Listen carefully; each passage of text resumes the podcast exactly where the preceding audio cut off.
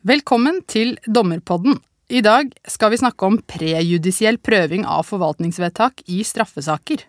Temaet høres kanskje ikke veldig sexy ut, men det er faktisk ganske spennende, og det reiser en rekke både rettslige og praktiske spørsmål, både for oss dommere og for advokater som går i retten med saker der dette kan bli et tema. I hvilken grad må domstolene ta stilling til forvaltningsvedtakets gyldighet dersom en person er tiltalt for å bryte vedtaket? Det ble nylig avsagt en dom i Høyesterett som omhandlet straff for brudd på innreiseforbud.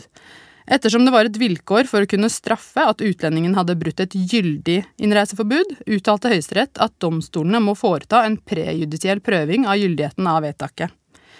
Dette er kanskje ikke så kontroversielt, men hva innebærer egentlig det? Hvilke prinsipper skal gjelde ved gyldighetsprøvingen? Hvilke, hvilket beviskrav gjelder, og hvem har bevisbyrden? Må domstolene alltid vurdere gyldigheten av forvaltningsvedtaket, eller må dette påberopes særskilt? Og hvordan skal dette løses i praksis? Dette skal vi snakke mer om i dagens episode av Dommerpodden. Du hører på Dommerpodden. Du hører på Dommerpodden. Mitt navn er Runa Nordahl Hereid, og jeg er dommerfullmektig i Oslo tingrett. Og med meg i studio i dag så har jeg da advokatene som prosederte denne saken for Høyesterett før jul, nemlig advokat Bendik Falk Koslung og statsadvokat Erik Førde. Velkommen hit. Takk. Du tenkte kanskje at Bendik nå først kanskje kunne bare dra oss gjennom hva, hva var det denne saken i Høyesterett før jul handlet om? Altså sånn, hva var det faktiske i den saken? Jeg kan kanskje begynne med å si litt da, om, om, min klient, da. Eh, sånn at uh, lytterne liksom forstår det. Dette var en, en gutt som er uh, født i, i, Sverige, svenske foreldre. Og ganske tidlig i hans liv så flyttet faren til Norge. Uh, og moren bodde i Sverige, og bodde i Sverige hele tiden. Eh, etter når han gikk i femte klasse eller noe på barneskolen, så flyttet han til faren i Norge, og gikk da noen år på barneskole og ungdomsskole i Norge. Så flyttet han tilbake eh, til Sverige og gikk på videregående. Tok noe rørleggerutdanning i, i Sverige. Eh, og så har han vært litt fram og tilbake, og litt uenighet om faktum, hvor mye han har vært i Norge og Sverige mm. etter det så har han da vært pågrepet for en god del eh, straffbare forhold av, vil jeg si, lite, relativt lite alvorlighet, men, men mange forhold. Eh, og jeg har bistått han i flere år. Eh, og etter hvert da så fikk han et eh, vedtak om utvisning. Som ble påklaget, men han hadde ikke noe midler til å prøve det rettslig, selv om for så vidt mente at det var et ugyldig vedtak. Eh, fordi at en sivil prøving av en sånn sak er jo en kostbar affære. Eh, men han ble da etter hvert uttransportert fra Norge i henhold til utvisningsvedtaket. Og så kom han inn igjen og ble pågrepet da en periode etterpå eh, i forbindelse med da noen straffbare forhold på nytt. Eh, og eh, når den straffesaken kom opp, eh, så var det da et spørsmål, eller jeg prosederte på, at dette vedtaket ikke var gyldig, og at domstolene måtte prøve utvisningsvedtaket i straffesaken. Fordi han skulle straffes for at han reiste inn mm. mens han hadde et gjeldende innreiseforbud, var ikke det? Ikke sant? Ja, ja. det er riktig. Mm. Og da var det jo en pådømmelse av, av de øvrige forhold han var eh, pådømt for, eh, samt da eh, brudd på innreiseforbudet, hvor straffen jo har blitt meget streng, og det hadde jo veldig mye å si for, for hvor lenge han skulle sitte i fengsel, om dette innreiseforbudet var gyldig eller ikke. Og dessuten så har det jo mye å si selvfølgelig for hans videre eh, liv også. Mm. Eh, og da prosederte jeg i, tingretten på at uh, domstolene måtte prøve dette vedtaket prejudisielt, om det var gyldig eller ikke. Tingretten tar ikke egentlig stilling til det spørsmålet, uh, men de finner at vedtaket uansett er gyldig. Uh, og Eh, de mener at det kanskje ikke er nødvendig å prøve det, men de prøver det likevel, og så finner de at det er gyldig. Eh, og tilsvarende i lagmannsretten eh, så er det dette som er tema, de andre forholdene er rettskraftig avgjort. Lagmannsretten kommer til at vedtaket skal prøves, men de kommer til at vedtaket er gyldig. Mm. Og Høyesterett kommer for så vidt til samme resultat som, som lagmannsretten, kort oppsummert. da. Eh, Så de kommer til at eh, domstolene kan og skal foreta en eh, prejudisiell prøving, som det heter, av gyldigheten av forvaltningsvedtaket. Men i denne konkrete saken så førte da ingen av de ugyldighetsargumentene eh, førte frem.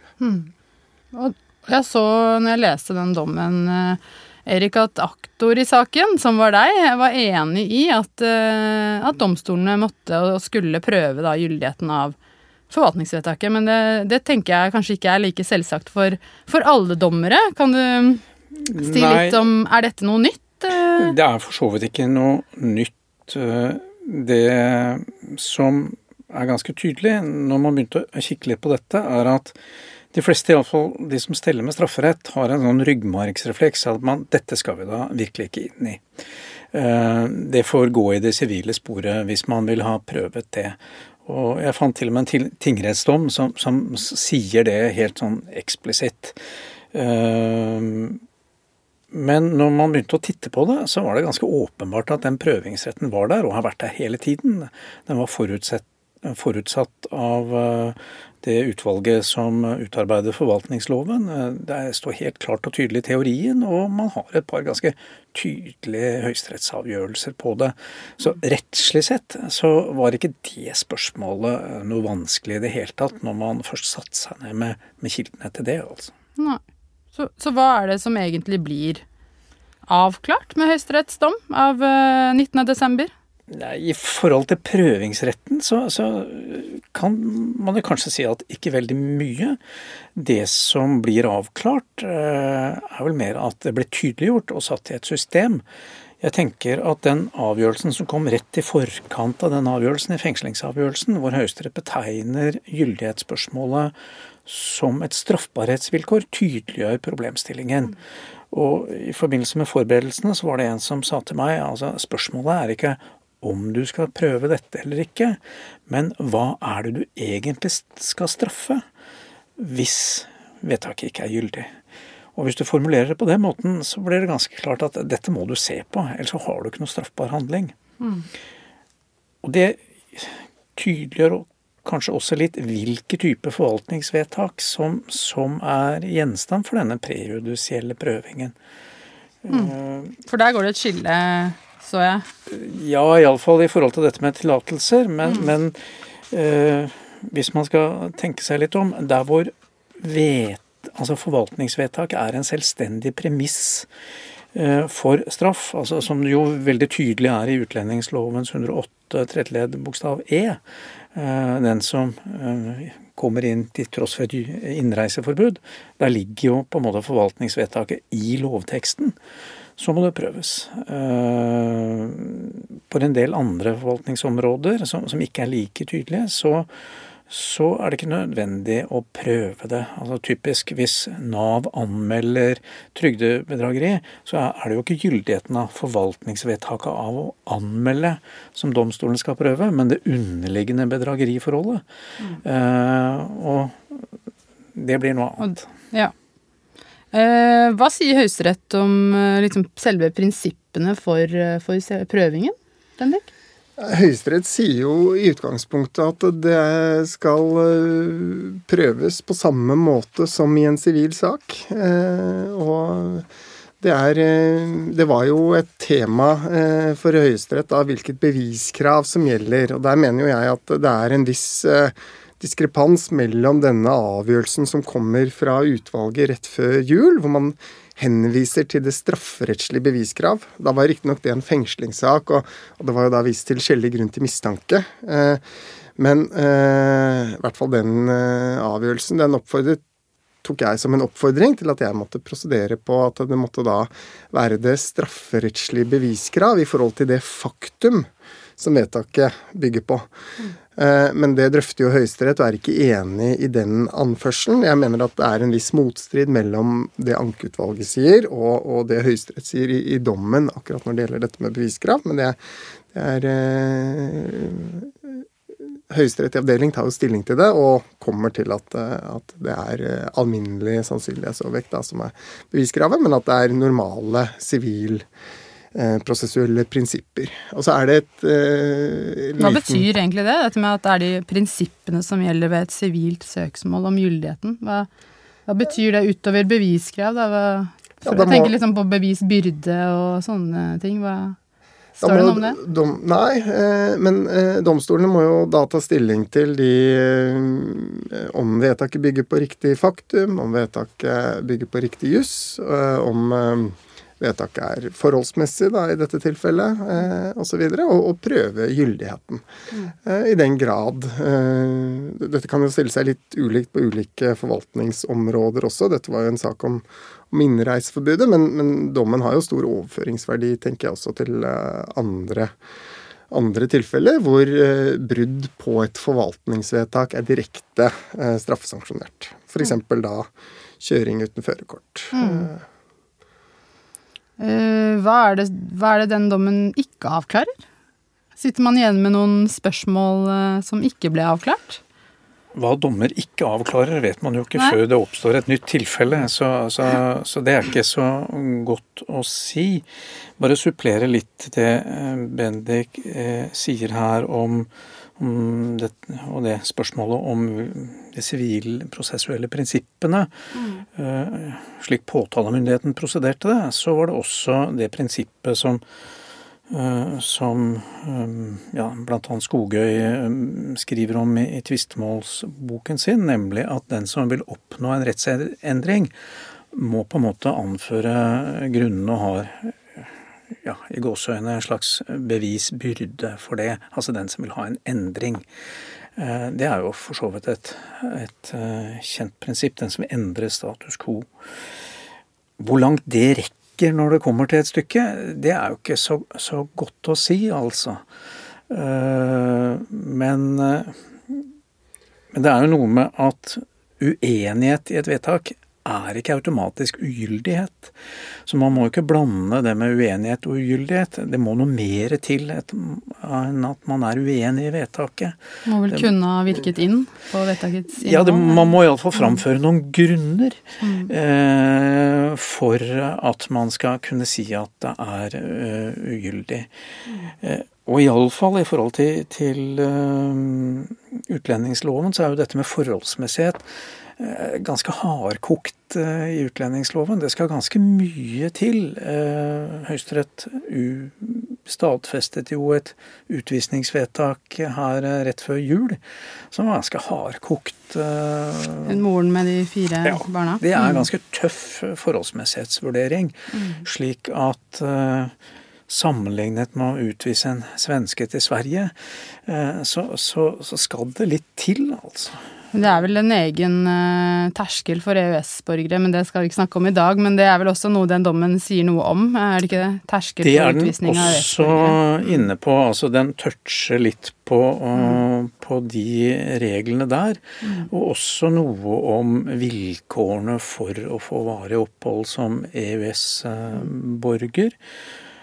Her ble det jo litt komplisert at det var en nordisk borger. Eh, Så det var nå det. Avgjørelsen kla- eh, også klargjør jo litt altså dette med hvor hva slags straffbare handlinger kan være grunnlag for utvisning. Formuleringene i utlendingsloven er jo kan jo eh, invitere til å tro at det er nokså så alvorlige straffbare handlinger som skal til. Og det som er helt klart, at uh, denne karen her, han var jo for å si det litt enkelt, altså han slet med rus, og, kriminaliteten var preget av det. Altså det var mindre mengder narkotika, leilighetsvinningstyveri, kjøring uten førerkort. Det var ikke noe løft over kriminaliteten, for å si det på den måten. Vi var eh, ganske langt ned, og det bar jo alle straffedommene preg av, både på hva slags kriminalitet og de straffer som var utmålt. Vi var i det absolutt nedre sjikt her.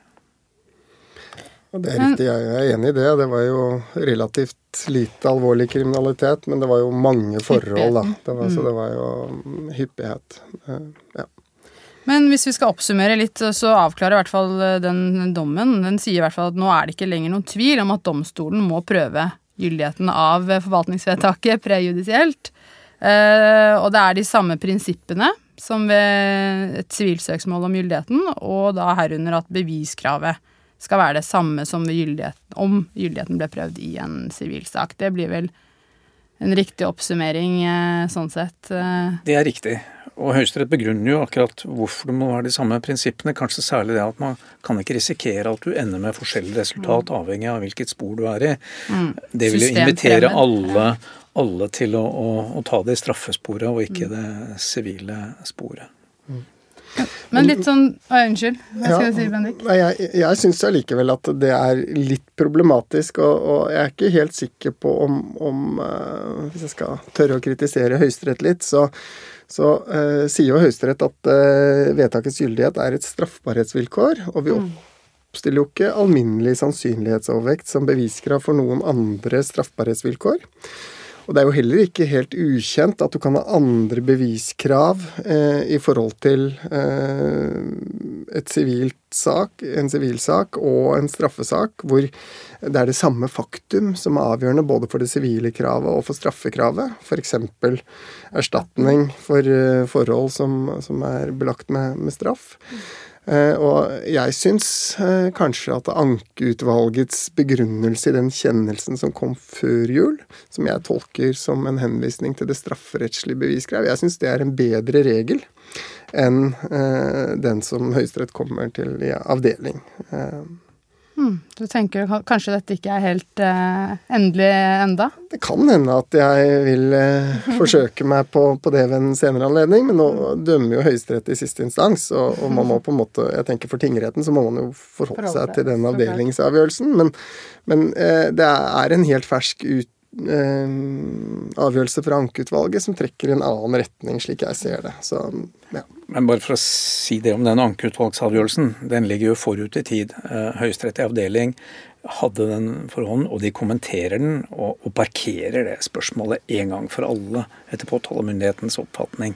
Så mm. man må gjerne... Det er vel et spørsmål om hvordan man kanskje tolker de uh, avsnittene, særlig avsnitt 11 i den fengslingskjennelsen, er det vel? Ja, det var vel avsnitt, siste setning i avsnitt 19, 19 som ja, var det, var det, var det sentrale der. Men, og, og, man fikk jo da Dette kom jo nærmest med 14 dagers mellomrom, altså, eller en drøy ukes mellomrom. Så for en gangs skyld så, så hadde man altså da en utvalgsavgjørelse som, som Høyesterett i avdeling ganske raskt kunne ta stilling til. Og så må man jo huske på at den utvalgsavgjørelsen uh, var basert på skriftlig behandling, uh, og hvor alle disse momentene nok ikke var uh, veid like fint som man fikk gjort det når vi prosederte saken i avdeling. Altså. Så, så, det å hele tiden komme trekkende med den utvalgsavgjørelsen det, det, mener jeg er å forsøk på en omkamp på noe som egentlig er lagt dødt. Ja, vi får se hvordan dette utvikler seg fremover. Eh, men selve gyldighetsprøvingen, dere har sagt noe om det allerede, men hvordan er det domstolene skal, eh, skal gjøre dette? Altså, hva, hva, hvor grundig skal denne prøvingen være hvis vi får en sånn her sak eh, på bordet? Altså ja, Bendik? Jeg tenker jo at uh, for så vidt at Høyesteretts uh, avgjørelse her er en, uh, gir jo en ganske god veiledning på det, hvordan de i praksis gjør det. Man må vel ta utgangspunkt i de konkrete anførslene, de konkrete innsigelsene mot vedtakets gyldighet. Mm. Og I denne saken så var det jo flere innsigelser, både på, på saksbehandling og på lovanvendelse og på forholdsmessighet og, og på faktiske forhold. og Eh, man må eh, drøfte det som anføres, tenker jeg. Må være å, vurdere de gyldighet. Så må man jo også, hvis man kommer til at det er saksbehandlingsfeil, så må man jo eh, da ta stilling til om, om, det kan ha innvirket eller ikke. Mm. I denne saken så kommer jo Høyesterett til at det foreligger noen saksbehandlingsfeil, men de finner at det ikke har innvirket. Eh, eh, men det er jo den vurderingen som da domstolene må gjøre i, i disse sakene, også hvis en sak kommer opp for, for tingretten. Mm. I og med at Høyesterett betegner dette som en straffbarhetsvilkår, så tenker jeg at utgangspunktet kan være som en del andre straffbarhetsvilkår, altså typisk tilregnelighet og, og nødverge. Man går ikke inn i det rommet uten at det er noe grunnlag eh, for det. Noe må man nok antagelig gjøre. Eh, litt med utgangspunkt i de to avgjørelsene mm, som var fra før om førerkortsak. Altså, og det minner litt om hvordan eh, en dommer må eh, gjøre en test av tiltalebeslutningen. Man må sjekke er det kompetent påtalemyndighet, og sånn må det jo være her. Er det kompetent organ? Er det noe personellmangel? Eh, hjemler Er vedtaket hjemlet? Altså er det dekning for, for det resultatet i den lovbestemmelsen henvises til? Og det var jo det som var mangelen i de førerkortsakene, den fra 78 og den fra 2015. Eh, og så må man jo kanskje ta en titt på selve vedtaket. Er det noe veldig påfallende med vedtaket? Og er det ikke det, og ingen påberoper noe, så kan man la det ligge og legge til Mm, grunn at det er at, eh, gyldig. Men du tenker at vi, dommerne må se, må se, lese vedtaket og vurdere det, uavhengig av om det påberopes ikke? Jeg tenker nok at det kan være lurt at man har iallfall en bevissthet eh, rundt eh, dette. Eh, at man eh, tenker litt på det. Og normalt så vil jo ikke dette vedtaket dukke opp før under eh, hovedforhandlingen. Det ble ikke fremsendt på forhånd. Men skal det være et tips, så hvis dette det er en sak hvor et forvaltningsvedtak ligger som en premiss for straffedommen, så bør man allerede under saksforberedelsen eh, prøve å, å finne ut eh, Blir det anført noe om ugyldighet her? Slik at man ikke får dette som en kanin opp av hatten. Og, og kanskje da også Det inviterer jo til, til ytterligere bevisførsel. Det er jo iallfall noe som eh, tingretten, og iallfall lagmannsretten, liker veldig dårlig hvis det kommer sånne overraskelsesmomenter inn, og det er totalt ødeleggende for framdriften i en sak hvis man må gjøre det. Ja, for Det leder meg jo litt over til det som jeg, som jeg hadde en del spørsmål knyttet til, og det er jo det praktiske sant, rundt dette her. Hva, hva skal vi dommere gjøre hvis vi får en tiltalebeslutning hvor, eh, hvor saken gjelder brudd på innreiseforbud? Altså, eh, kan, ja, jeg tenker også at det bør vi kanskje forsøke å avklare er dette noe som kommer til å bli et tema, dette med gyldigheten av vedtaket. Eh, bør man kanskje avholde et planmøte?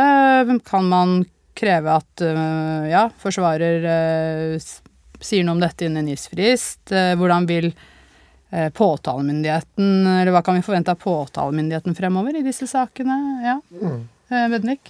Ja, jeg tror det er, eh, er fornuftig at man har et aktivt forhold til eh, vedtaket. Eh, Det er et straffbarhetsvilkår, og man må ha et aktivt forhold til det. Sånn at å få klarlagt om det er noe konkret som vil bli anført, og sånn som man gjør i, i forbindelse med når det fremmes andre sivile, eller når det fremmes sivile krav, erstatningskrav, at man ber om uttalelse på forhånd og sånn, kan jo være en, en fornuftig måte å håndtere det på, tenker jeg. Men man, man er nødt til å lese vedtaket og ha et aktivt forhold til det. Og eh, hvor inngående man er nødt til å gå inn i det eller ikke, det avhenger jo av hva som konkret påberopes. Hvis det ikke eh, påberopes noe konkret, så kan man sikkert ta en litt mer overfladisk eh, kontroll. Men, men eh, domstolene har jo eh, et selvstendig ansvar, og Nav-saken viser jo med all mulig tydelighet at, eh, at man må ikke ta for lett på det ansvaret. Og jeg tenker at det er, at det er viktig at domstolene er, er aktive i forhold til eh, et sånt vedtak. Men igjen så tenker jeg at man må selv i lys av Nav-saken må man ha litt is i magen her. Eh, På samme måte som i tilregnelighet. Altså hvis det ikke bringes opp på noe vis eh, tiltalte ikke er påfallende på noe vis, eh, det behøver han jo ikke være og kan være hakkande psykotiske, eh, så, så mm, må man ikke gjøre altfor mye ut av det i, hver eneste sak. Men å ha en bevisst eh, holdning til det tror jeg er, er nyttig. Denne saken gjør jo også at påtalemyndigheten og politiet må ha en bevisst holdning til dette når man går inn i det. Og så er det jo spørsmålet Politi og påtalemyndighet forholder seg jo til, til den tiltalte i etterforskningsfasen. hvor mye man kan få ut av, bevissthet om ugyldighet hos den tiltalte, er, er vel ganske, ganske usikkert. Det er jo først når, når den juridiske bistanden kommer på banen at dette kommer opp. Og så er det spørsmålet blir dette bare en måte å løftgjøre saken på, eller er det en reell uh, ugyldighetsgrunn som ligger under, under dette. Og, og her er det jo et ansvar for, for advokatene også, å ikke komme trekkende med dette altså i alle mulige og umulige saker. Det må være der hvor det faktisk er noe reelt hold i det. Hvordan, hvordan, er det Du har hatt noen sånne saker nå, du har hatt denne saken i Høyesterett. Hvordan er det for påtalemyndigheten å, prosedere disse utlend, altså en utlendingssak, en sivil sak? Konfererer man med regjeringsadvokaten eller Utlendingsnemnda? Eller hvordan, dette er jo på en måte et fagfelt som dere ikke kanskje ja, jobber med daglig? skal du si så Jeg har jo litt bakgrunn fra utlendingsretten sjøl, så, så jeg er vel ikke engsteligst for dette. Dette var femte gang jeg hadde et innreiseforbud i Høyesterett, og det var første gang at uh, gyldighetsspørsmålet kom opp.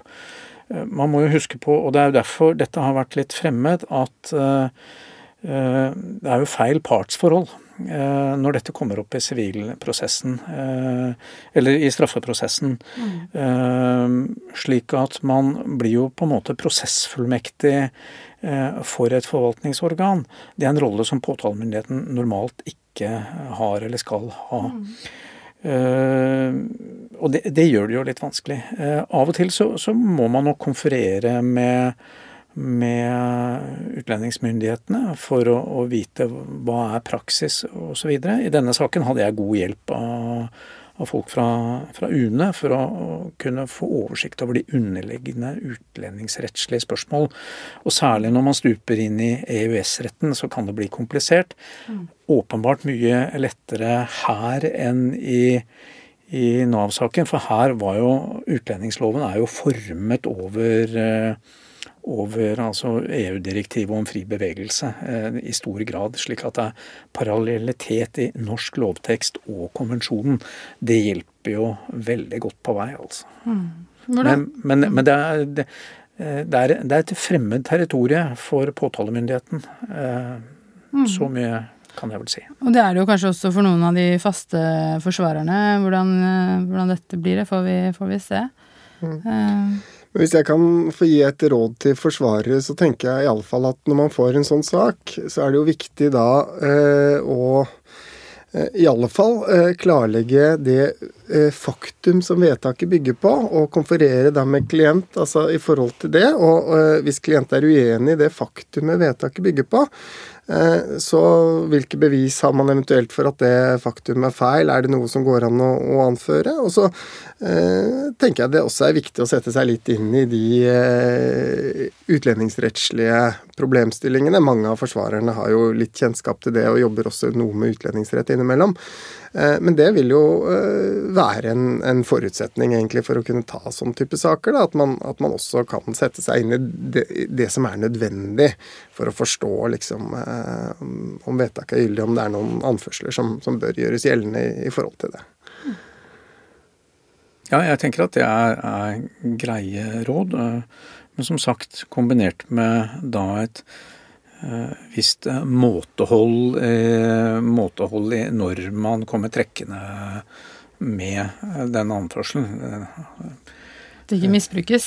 Nei, altså det, det, blir jo litt som, som, for å bruke et eksempel, altså bevisavskjæring som vi start, stadig hører om i straffesaker. Som, som eh, beviset skal ikke føres. Så må det følges opp med, med, med grunner og hjemler. Altså det er, ikke, ikke, det er, ikke, nok at man ikke liker beviset. Eh, og sånn blir det litt her òg. Det er ikke nok med uenighet. Det, det, må være en reell grunn for ugyldighet. Ja, en reell ugyldighetsgrunn. Ja. Hmm. Eh, jeg tror vi setter strek der, jeg. Tusen takk, eh, Erik Førde og Bendik Falk Oslung, for at dere tok dere tid til å komme hit i dag. Ja. Eh, og takk for at du der ute har hørt på, på Dommerpodden. Mitt navn er som nevnt Runa Nordahl Hereid, og denne episoden er laget da i samarbeid med tingrettsdommerne Ragnar Lindefjell og Ola Berg Lande. Du har hørt på Dommerpodden. Dommerpodden er en podkast fra Norges domstoler og er først og fremst ment som et kompetansetiltak for dommere. Hvis du har ris, ros, forslag til temaer eller folk vi kan prate med, så er vi glad for å høre fra deg, og da kan vi nås på podkast at domstol.no. Ha en god dømmende hverdag så lenge. Vi høres.